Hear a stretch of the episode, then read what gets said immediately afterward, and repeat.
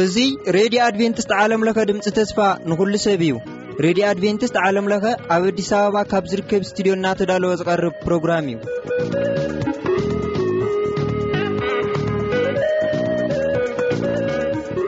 ኣብ ርሑቕን ቀረባን መደባትና ንምድማፅ ኣብ መስመርና ትርከቡ ተኸታተልቲ መደብና ብቐዳምነት ዝዓዘዘ መንፈሳዊ ሰላምታ ኣብ ዘለኹምዎ ይብፃሕኩም ንብል ካብዚ ካብ ስቱድዮና። ብምቕፃል ንሎሚ ዝህልወና መደብ። መደብ ክፍለጥ ዘለዎ እዩ።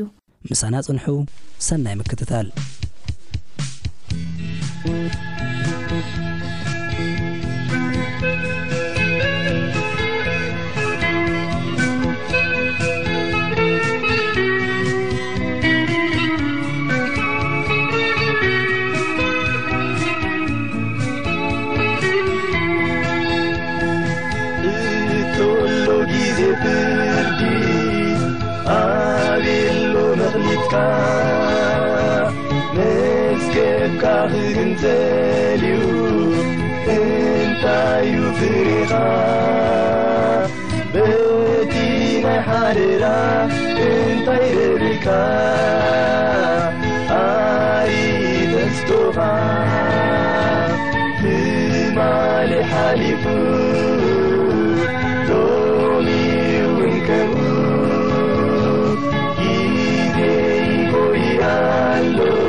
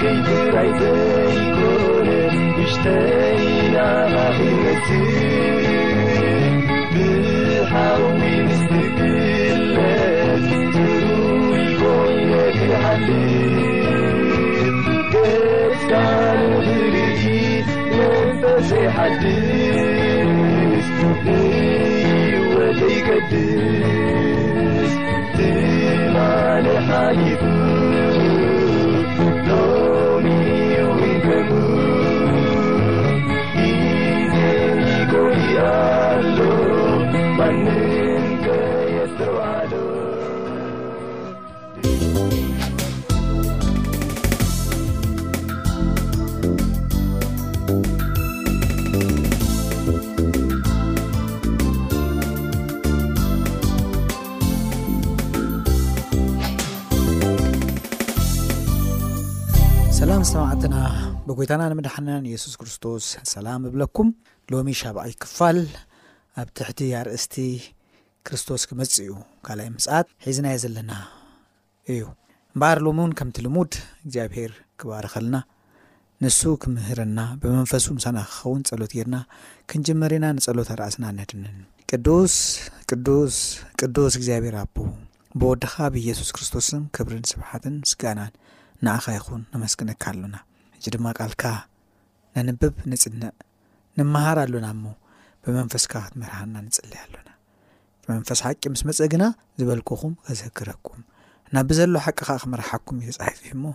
እዚ ናይ ሓቂ መንፈስካ ምሳና ክኸውን ክመርሓናን ክገልጸልናን ድማ ንዕድም ኣሎና ምሳና ኹን ኣይትፈለየና ብሽም የሱስ ኣሜን ሕራይ እምበኣር ሰማዕትና ኣብ ዝሓለፈ ኣብተን ዝሓለፈ ሽዱሽተ ክፋላት ብዛዕባ የሱስ ክርስቶስ ዳግም ብክብሪ ከም ዝምለስ ክንርኢ ኣብዘን ናይ መወዳእታ ክልተ ክፋላት ድማ ብዛዕባ ምቕራብ መጽእት የሱስ ክርስቶስ ምልክታት ማለት እዩ ከምኡ ድማ ዘመን ታሪኽ ናይ መወዳእታ ዘመን ታሪኽ ናይ ምድርና ዘረጋግጹ ፍጻሜታት እናረኣና ጸኒሕና ኢና። ሎሚ ድማ ካብኡ ዘቐጸለ ገለ መጽናዕትታት ድማ ክንርኢ ኢና። ኣብ ማቴዎስ ምዕራፍ 24 ፍቕዲ 12 ዓመፃ ስለ ዝበዝሐ ትብል ቃል ኣላ ኣብኡ ምስኡ ኣተሓሒዛ ድማ ዓመፃ ስለ ዝበዝሐ ናይ ብዙሓት ፍቕሪ ክትዝሕልያ ትብል ኣሎ ስለዚ ገለ መፈጸምታ ዘመን ታሪኽ ናይዛ ምድርና ሲ ክፍኣት ከም ዝኾነ ኣብቲ ክፉእ ዘመን ማለት መጽሓፍ ቅዱስ ከምቲ ኣብ ካልይ ጢሞቴዎስ ዝተምሃርናዮ ዝሓለፈ ክፉእ ዘመን ከም ዝመፅእ ፍለጥ ዝብል ርኢና ነርና ክፉእ ዘመን እሞ ከዓ ክፉእ ፍፃሜታት ናይቲ ክፉእ ዘመን ንርኢ ኢና ነርና ኣብዚ ዓመጻ ስለ ዝበዝሐ ዝብል ሓሳብ ኣለዎ። ናይ ማቴዎስ ምዕራፍ ዕስራን ኣርባዕተን ፍቕዲ ዓሰርተ ክልተ ኣብዚ መወዳእታ ዘመን ምውሳኽ ክፍኣት፣ ምውሳኽ ዘይሕጋውነት፣ ምውሳኽ ገበን፣ ዕግርግር፣ ሕንፍሽፍሽን ክንርኢ ኢና። ከመይ ኣዝዩ ዓመጻ ከም ዝበዝሐ ክንርኢ ኢና። እዛ ናይ ማቴዎስ ምዕራፍ ዕስራን ኣርባዕተን ፍቕዲ ዓሰርተ ክልተ ዓመፃ ከም ዝበዝሕ ኣብቲ መወዳእታ ዘመን ትዛረብ እያ ዘላ እቶም እኩያት ሰባት ተጠበርትን ግና ይብሉ ኣብቲ መወዳእታ ዘመን ናብ ዝገደደ ክበፅሑ እዮም ይብሉ እስኪ ካልኣ ጢሞቴዎስ ምዕራፍ 3 ፍቕዲ 13 ድማ ብሓንሳብ ኮይና ምሳኹም ከምብባ እፈቱ እዚ ናይ መወዳእታ ዘመን ምዕዶ ምኽሪ እዩ ኣብ መወዳእታ ዘመን ንዝነብሩ ህዝቢ ከምቲ ዝሓለፈ ዝተምሃርናዮ መፅሓፍ ቅዱስ ኩነታት ናይቲ መወዳእታ ዘመን ኩነታት ነቶም ኣብ መወዳእታ ዘመን ዝነብሩ ከመይ ከም ዝኾነ ባህርያቶም እንታይ ከም ዝፍፀም ከይተረፈ ገሊፅልና ኣሎ እሱ ኢና ሓጂ ኮይኑን ኣይኮነን መፅሓፍ ቅዱስ ከም ዝበሎ ይፍፀም ደሎ ዋላስ ኣይ ኣሎን ንዝብል ሓሳብ እናረኣና ነመሳኽር ዘሎና እዚ ኮይኑ ምስ ረኸብናዮ ድማ ክንዳሎ ስለ ዝግብኣና ምጽንዑ ነዚ ኣዝዩ ኣገዳሲ እዩ። ስለዚ ካልኣይ ጢሞቴዎስ ምዕራፍ ሰለስተ ፍቕድ ዓሰርተ ሰለስተ እቶም እኩያት ሰባትን ጠበርትን ግና እና ኣስሓቱን እና ሰሓቱን ናብ ዝገደደ ክበጽሑ እዮም። ስለዚ እቶም እኩያት ሰባት ክፉኣት ሰባት ከም ዝመፁ ኣብቲ መወዳእታ ሰባት ክፉኣት ክኾኑ ምዃኖም ናይቲ ክፉእ ዘመን ክፉኣት ሰባት ከም ዝኾኑ ንዘራረብ ፀኒሕና ስለዚ ብክፍኣትን ጥበራን እናገደደ ከም ዝኸይድ እዚ ከዓ ብትኽክል ይነግረና ኣሎ ስለዚ ከዓ እዩ ዓመፃ ስለ ዝበዝሐ ናይ ብዙሓት ፍቕሪ ክትዝሕል ምዃና መፅሓፍ ቅዱስ ይዛረብ ኣሕዋተይ ኣብዚ ዘለናይ ዘመን ፍቕሪ ዝሒሉ ኣሎ ርእሰ ይጥዓመኒ ንርእሰ ምፍታው ገኒኑ ኣሎ ኣነ ኣነ ዝብል በዚሑ ኣሎ ኣንሕና ንዓና ዝብል ግን የለን ንዓይ ንዓይ ዝብል ደ ሞስት ሰልፊሽ ወርድ ኢሎሞ ኣሎ ኣይ ሚ ትብል ቃል ፃዕዱ ክምስሉ ከለዉ ስለዚ እዛ ኣዝያ ኣገዳሲት ሰማያዊት ውህበት ፍቕሪ ዝተባሃለት ምዝሓል ምኽንያታ ዓመፃ ስለ ዝበዝሐ እዩ ኣብ መወዳእታ ዘመን ዓመፃ ይበዝሕ ምዃኑ ይዛረብ ኣሎ ስለዚ እኮያት ሰባት ጠበርትን እናሰሓቱን እናሰሓቱን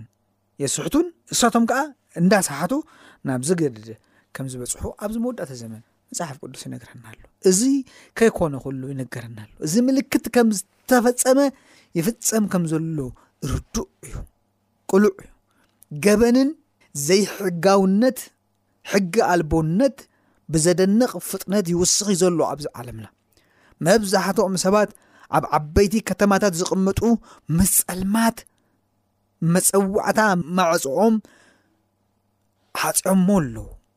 ንምንታይ ሰናይ ከይህቡ ኣብ ገዝኦም ክፉእ ከይበፅሖም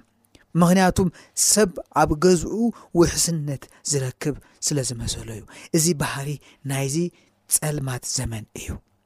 ስለዚ ኣብ ከተማታት ብዙሕ ስግኣት ስክፍታ ኣሎ ብዙሕ ግዜ ገበንን ክፉእ ነገራትን ሕገ ኣልቦነትን ዝፍጸመለን ቦታታት ስለ ዝኾና እዩ። እቶም ለባማት ፖለቲከኛታት ናይ ግዜና ገበናት እናበዝሐን ብዘይቁጸር እናወሰኸን ብምኻዱ ናይ ሰባት ህላወ የሰክፎም ከም ዘሎ ብማስ ሜድያ ክዛረቡ ንሰምዖም ኣሎና። እዚ ይኸውን ኣሎ ነቶም ለባማት መጽሓፍ ቅዱስ ግና ኣሕዋተየ እቲ ዝኸውን እቲ ክኸውን ዘለዎ ኩሉ ነገራት ሓደ ብሓደ ብደቂቕ ኣብ መጽሓፍ ቅዱስ ብምግላጽ ካብቲ ክመጽእ ዝኽእል ቁጥዓ ካብቲ ክመጽእ ዝኽእል ክፍኣት ካብቲ ክመጽእ ዝኽእል ኩሉ ዕንወት ክንድሕን ካብቲ ዝመጽእ ኩሉ ዓመፃ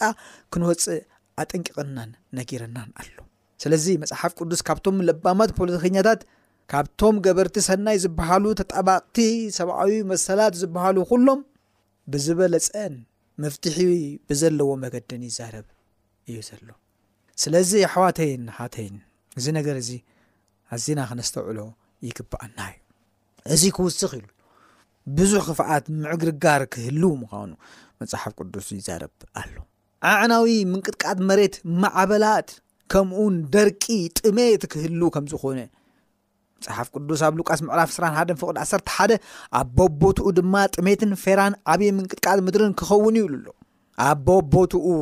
ኣብ ኩሉ ዓለም ሎሚ ጥሜት ዘየለሉ ቦታ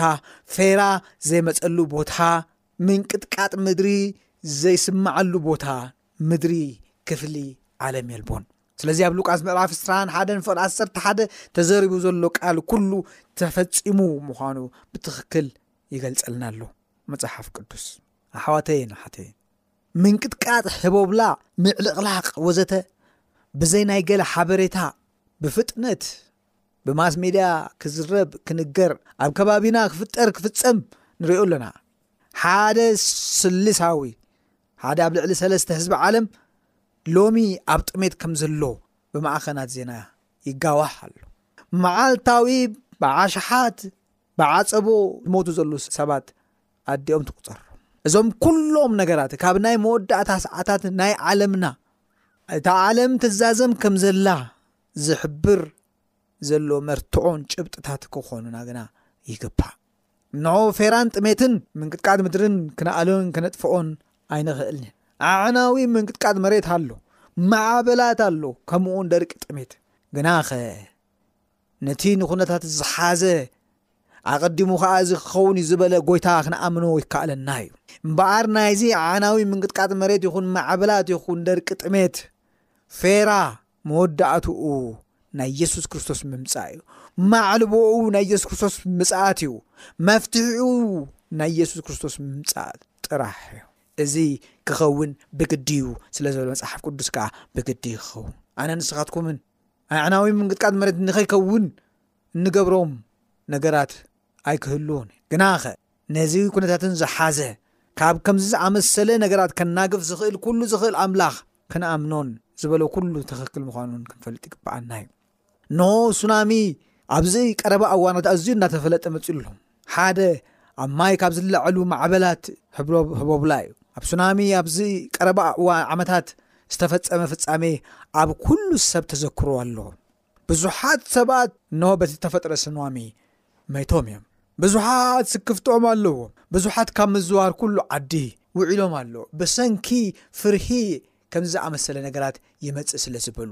ስለዚ ኣሕዋተይን ኣሓተይን እዚ ትሰምዑ ዘለኹም ኩሉኹም ኣነ እንሆ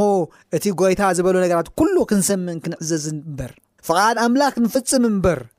ካብ ፍቓድ ኣምላኽ ክንወፅ ኣይግባኣናን እንሆ ኢልና ደጋጊምና ተዛሪብና ኣለና እቲ ዝኸውን ኩሉ ነጊርና ከይኮነ ከሎ ነገርኩኹም ብምባል ምስ ኮነ ብኣይ ምእንቲ ክትኣምኑ እምበር ክንርዕድ ክንፈርሕ ኣይኮነን ጎይታናን መድሓንያን ኢየሱስ ክርስቶስ ካብዚ ኩሉ ሽግር ፀበባን ናይዚ ዓለም እዚ ካብዚ ኩሉ ኣዕናዊ ምንቅጥቃጥ መሬት፣ ማዕበላት፣ ድርቂ፣ ጥሜት ከድሕነና ከውጽኣና እዩ። ምጽኣቱ ነዚ ሰላም ዝህበና እዩ፣ ካብ ከምዚ ዘዕርፈና እዩ። ናብታ ጎይታ ዘዳለወልና መንግስቲ፣ ሰማያዊት መንግስቲ፣ ናይ ሰላም መንግስቲ፣ ናይ ዕረፍቲ መንግስቲ፣ ናይ በረኸት መንግስቲ ዘእትወና እዩ እምበር። ሰላምና ዝኸልእ ኣይኮነን ሎሚ ነዚ ነገር እዚ ግና ክንኣምኖ ይግብኣና እዩ ካልእ እውን ክንርኢ እስኪ ፍሉይ መልእኽቲ ነቲ ኣብ ናይ መወዳእታ መዓልቲ ዘላ ዓለም ኣሎ እቲ ፍሉይ መልእኽቲ ኣብ ማቴዎስ ምዕራፍ 2414 ካብቲ ንረኽቦ እዚ ወንጌል መንግስቲ ኸኣ ንምስክር ኩሎም ሓዛብ ካብ ብዘላ ዓለም ክስበኽ እዩ ሽዑ መወዳእታ ይመጽእ ዝብል እዩ እሞ እዚ ፍሉይ መልእኽቲ ነዚኣ እንሆ ብናዕቢ ብምብዛሕ ዓመፅ ብኽፍዓት ብጭንቀት ብፍርህን ስግኣትን ተሓሚሳን ዘላ እዚ ወንጌል መንግስቲ እዚ እዩ ሰላም ክህባ ዝኽእል እዚ ወንጌል መንግስቲ ጥራሕ እዩ ነዛ ዓለምና ከዕርፋ ዝኽእል እዚ ፍሉይ መልእኽቲ ጥራሕ እዩ እንሆ ንበረኸትን ሰላምን እዛ ምድርና ዚኸውን፣ እዚ ወንጌል መንግስቲ እዚ ጥራሕ እዩ፣ ኣብ ኵሎም ኣሕዛብ ምስ ተሰበኸ፣ እንሆ እቲ ጐይታ ዘዳለዎ ኽብሪ ናይ ምቕባል ምኽንያት ኪኸውን ዚኽእል። ስለዚ እዚ ወንጌል መንግስቲ ኣብ መወዳእታ ዚስበኽ እዩ፣ ናብ መወዳእታ ህዝቢ ንዘለዉ ንምስክር ንምስክር እብል ኣሎ ንምስክር ኣይሰማዕኹን ኣይነበርኩን ኣይፈለጥኩን ምእንቲ ከይብሉ ንዓይን ንዓኻትኩምን ድማ ንምድሓን ክኾነና እግዚኣብሄር ይሓበና ኣሕዋት እዩ ስለዚ ወንጌል መንግስቲ ንኩሉ ሰብ ክስበኽ ስለ ዘለዎ ክስበኽ ድማ እዩ እዚ እውን ሓደ ምልክት እዩ ስለዚ ኣብ ብዘላ ዓለም ክስበኽ እዩ ሽዑ መወዳእታ ይኸውን ኩሉ እዚ እዩ ስለዚ ኣሕዋተይ እምበኣር እዚ ወንጌል መንግስቲ ኣብ ኩሉ ሰብ ብዝተፈላለየ መገዲ ተሰቢኹ ኣሎ ኩሉ ዳርጋ ኩሉ ህዝቢ ዓለም እቲ ወንጌል መንግስቲ ሰሚዕዎ ኣሎ የሱስ ጎይታ ምዃኑ መድሓኒ ምዃኑ ካልኣይ ብክብሪ ከም ዝግለጽ ከም ዝምለስ ጽቡቕን ክፉኡን እንታይ ምዃኑ ሓጢኣት ካብ መንግስቲ ኣምላኽ ከም ዘርሕቕ ሓጢኣት ትዕቢት ክፍኣት ዘበለ ኩሉ ጽልኢ ምስ ኣምላኽ ከም ዝኾነ እዚ ዘይፈልጥ የለን እቲ ዕሉል ሰራቂ እቲ ፈገር ዝተባሃለ እቲ ክፉእ ነብሰ ቀታሊ እውን ከተረፈ ነቲ ዝገብሮ ዘሎ ኩሉ ክፍኣት ስርቂ ድዩ ዋላ ቅትለት ድዩ ሓጢኣት ምዃኑ ከይተረድኦ ከይፈለጠ ኣይኮነን ዝገብሮ ዘሎ ሓጢኣት ምዃኑ እናፈለጠ እዩ ዝገብሮ ዘሎ እዚ ድማ ኣዝዩ ኣዝዩ መንግስቲ ኣምላኽ እቲ ወንጌል ናይቲ መልእኽቲ ኣብ ነፍሲ ወከፍ ልቢ ሰብ ከም ተሰብከ የርኢ እዩ። እዚ ዓብዪ ዓሚቕ ናይ መወዳእታ መጠንቀቕታ መልእኽቲ ናይ ክርስቶስ ካልኣይ ምጽዓት እዩ። እዚ ኸኣ ኣብ ሙሉእ ዓለም ብልዕሊ ትሽዓተ ሚእቲ ቋንቋታት ዝኣክል ቋንቋታትን ለሃጃን ተሰቢኹን ይስበኽ ኣሎን ይቐርብ ኣሎ። እዚ ድማ ኣብ መላእ ዓለም ናይ ዘሎ ቋንቋታት ህዝቢ እዛ ምድሪ እዚ እዩ። ስለዚ ዳርጋ ትስዓን ሓሙሽተን ሚእታዊት ናይ ዓለምና በዚ ነዚ መልእኽቲ መገዲ ዘለዎ ተጋዊሩን ሰሚዕዎን እዩ። ቅድሚ የሱስ ካልኣይ ምምጽኡ ነፍሲ ወከፍ ሰብ ኣብ ዓለም ዘሎ ብዛዕባ ካልኣይ ምጽኣቱ ክሰምዕን ክጥንቀቕ መጠንቀቕታ ክወሃቦን እዩ። ሰባት ነዚ ናይ መጠንቀቕታ መልእኽቲ እንተነጺጎሞ ጥራሕ እዮም ነብሶም ዘጥፍኡ ህይወቶም ዘጥፍኡ ዝኸፍአ ነገር እውን ዝኸውን። ስለዚ እዚ ወንጌል እዚ ብዝተፈላለየ መገዲ ካብ ጥንቲ ጀሚሩ ክሳብ ሎሚ ብቴሌግራም ይኹን ብቴሌፎን ብሶሻል ሚድያ ይኹን ብኢንተርኔት እንዲሁ ከምኡውን ብቐጥታ ብቴሌፎን ይኹን ብስብከት ኣብ ቸርች ይኹን ኣብ ጎደና ኣብ ጎረባብቲ ይኹን ኣብ ርሑቕ ይኹን ኣብ ቀረባ ኣብ ኩሉ ንዘነብር ሰብ ይስበኽ ኣሎ ስለዚ ዳርጋ 95 ሚታዊት ናይ ዓለምና ብዝሒ ነዚ መልእኽቲ እዚ ዝሰሚዕዎ ኣለዉ ወይ እውን እዚ መገዲ እዚ ኣለዎ ሕጂ ስለዚ ቅድሚ የሱስ ክርስቶስ ካልኣይ ምምፅኡ ብዛዕባ ክርስቶስ ካልኣይ ከም ዝመፅእ ክፈልጥ ይግብኦ ስለ ዝኾነ እቲ ዝምለስ ክምለስ እቲ ዝኣምን ክኣምን እቲ ከም ፍቓድ ኣምላኽ ክነብር ዝደሊ ክነብር እቲ ዝነፅጎ ክነፅግ እቲ ንፁር ምፍልላይ ምእንቲ ክፍጠር እዚ ክኸውን እዩ ግን ንሰባት ዝጠፍኡ ነዚ ናይ መጠንቀቕታ መልእኽቲ ምስ ዝንዕቕዎን ሸለል ምስ ዝብሎን ጥራይ ምዃኑ ክንፈልጥ ይግብኣና እዩ ስለዚ ኣብ መወዳእታ ዝስበኽ መልእኽቲ ኣብ መወዳእታ ናይዛ ምድሪ ዝና መጠቓለሊ ዝኸውን ዝግበር ፍጻሜ ነፍሶ ከፍ ሰብ እዚ መልእኽቲ እዚ ክሰምዕ እዩ እዚ እውን ከምቲ ቃሉ ዝብሎ እዚ ወንጌል መንግስቲ እዚ ከዓ ንምስክር ንኩሎም ኣሕዛብ ክስበኽ ምዃኑ እዩ ሽዑ ድማ እዩ መወዳእታ ዝኸውን ስለዚ ኣሕዋት እዚ መልእኽቲ እዚ ዘይሰምዐ የለን ሎሚ ሎሚ ንሓደ ቃል እግዚኣብሔር ኣምላኽ ክትነግሮ ትፀንሕ ንሱ ግና ጐይታ ኸም ዝተቐበለ፣ ንጐይታ ኸም ዝፈልጦ ይነግረካ ብኡ ብኡ። እንሆ ቃል ኣምላኽ ዘይፈልጥ፣ የሱስ ካልኣይ ብኽብሪ ክመጽእ ከም ዘለዎ ዘይፈልጥ፣ ጽቡቕን ክፉኡን ዘይፈሊ፣ ኣብ መንጎና ናብዚ ዓለም እዚ ዝነብር ሰብን የሎን እንተበልና ምግናን ኣይኮነን ኣሕዋተየ። ስለዚ እቲ ቃል ኣምላኽ ምእንቲ ክፍጸም እዚ ነገር ኩሉ እዚ ኣብ ኩሉ ህዝቢ ክስበኽ ይግብኦ እዩ። ኣሕዋተይ ግናኸ ብዘሕዝን መገዲ እንሆ ኣብቲ ዳሕረዋይ ዘመናት ግና ገሊኦም ይብል መጽሓፍ ቅዱስ እምነቶም ክሒዶም እምነቶም ክሒዶም ይብል ኣሎ ንመናፍስቲ ስሕተትን ምሕሮ ኣጋንንትን ከም ዘምልኹ ንኣብኡ ከም ዝምለሱ ከም ዝስዕቡ መጽሓፍ ቅዱስ ብግልፂ ይዛረብ ኣሎ ንስኻ ግና ብዅሉ ተጠንቀቕ ኢሉ ኣሎ መከራ ጽገብ ግብሪ ወንጌላዊ ግበር ኣገልግሎትካ መልዕ የሱስ ክርስቶስ ካልኣይ ብኽብሪ ክምለስ እዩ እሞ ተስፋኻ ኣይተጸንቀቐን ኣይተወድቐን ተስፋኻ ገና ሓድሽ እዩ ብተስፋ ክንመላለስ ይግብኣና እዩ ብዙሓት ናብ መናፍስትን ጥንቁልናን ክምለሱ እዮም ኣብዚ መወዳእታ ዘመን ቀዳማይ ጢሞቴዎስ ምዕራፍ 4 ፍቕሪ ሓደ ከምኡ ዝብል መልእኽቲ ይነግረና እዩ እዚኣ ኣብ ዝሓለፈ እዋን ኣንቢብና ኣለና ኣኣዛኖም ኣስሒቦም ዳኣ ብትምኒት ርእሶም መምሃራን ክእክቡ እምበር ነቲ ጥዑይ ትምህርቲ ዝዕገስሉ ዘመን ክመፅ እዩ ሽዑ ኣእዛኖም ካብ ሓቂ ክመልሱ ናብ ፅብፅዋያ ትብላሉ ናብ ጽውጽዋያት እውን ክምለሱ እዮም እሞ ብኹሉ ዓቕልን ብምህሮን እቲ ቃል ክትሰብኽ ብግዚኡን ብዘይግዚኡን ከተስምዕ ክትገንሕ ክትቀጽዕ ክትምዕድ ኣብ ቅድሚ ኣምላኽን ኣብ ቅድሚትን ህያዋንን ሙታንን ክፈርድ ዘለዎ ክርስቶስን ኢየሱስን በቲ ምግላጽ መንግስቱን እምሓጽነካ ኣለኹ ይብል ቃል እግዚኣብሔር ኣምላኽ ስለዚ እምነቶም ክሒዶም ናብ ጽውጽዋያት ክምለሱ እዮም። ናብዚ ጽውጽዋይ እዚ ከይንምለስ እግዚኣብሄር ካብዚ ክበልሓና እዩ ዝግብኣና ኣሕዋተይ ኣነን ንስኻትኩምን። በቲ ዳሕራዋይ ዘመናት ግና ገሊኦም እምነቶም ክሒዶም ንመናፍስቲ ስሕተት ንምህሮ ኣጋንንትን ከም ዝስዕቡ እቲ መንፈስ ብግሁድ ይብለሎም። ብግብዝና እቶም ሕልናኦም ከም ብመዓለም እተዓለመ ሓሶት ዝዛረቡ ሰባት ኢሉ ኸዓ ይቅጽል። ስለዚ ገሊኦም እምነቶም ከም ዝኽሕዱ ብዙሓት ናብ መናፍስቲ ስሕተት ስፕሪቲዝም ከም ዝምለሱ ንምህሮ ኣጋንንቲ ከም ዝስዕቡ ይዛረቡ እዮም ብዙሓት ሰባት እንሆ መንፈስ ምሕትፍታፍ ሲ ምስ መንፈስ ኣምላኽ ከዛምድዎ ብዙሕ እዮም ዝፍትኑ ኣብ ዘይረኣይዎ ነገራት እናተሓወሱ ብኸምኡ ዝንፍሑ ብዙሓት እዮም ንሕና መንፈስ ቅዱስ ኣለና ዝብሉ መንፈስ ቅዱስ ዘይብሎም ንሕና ፍቕሪ ኣለና ዝብሉ ግን ፍቕሪ ዘይብሎም እነሆ ብትእምርን ተኣምራትን ኣብ ዘይከውን ነገር ሓሶትን ትንቢት ሓሶት ጥበራ ትንቢትን ዝኣምኑ ብዙሓት እዮም መንፈስ ቅዱስ የብልኩምን ኢሎም ኸሱ መንፈስ ቅዱስ ዘጥፍኡ ካብ መንፈስ ቅዱስ ዝረሓቑ ድማ እዮም ስሕተት ትምህርቲ ኣጋንንቲ ዝስዕቡ እዮም። ንጎይታናን መድሓንን የሱስ ክርስቶስ ምንሆ በዚ ዓለም ንብረት ዝለወጡ ብገንዘብ ዝሸጥዎ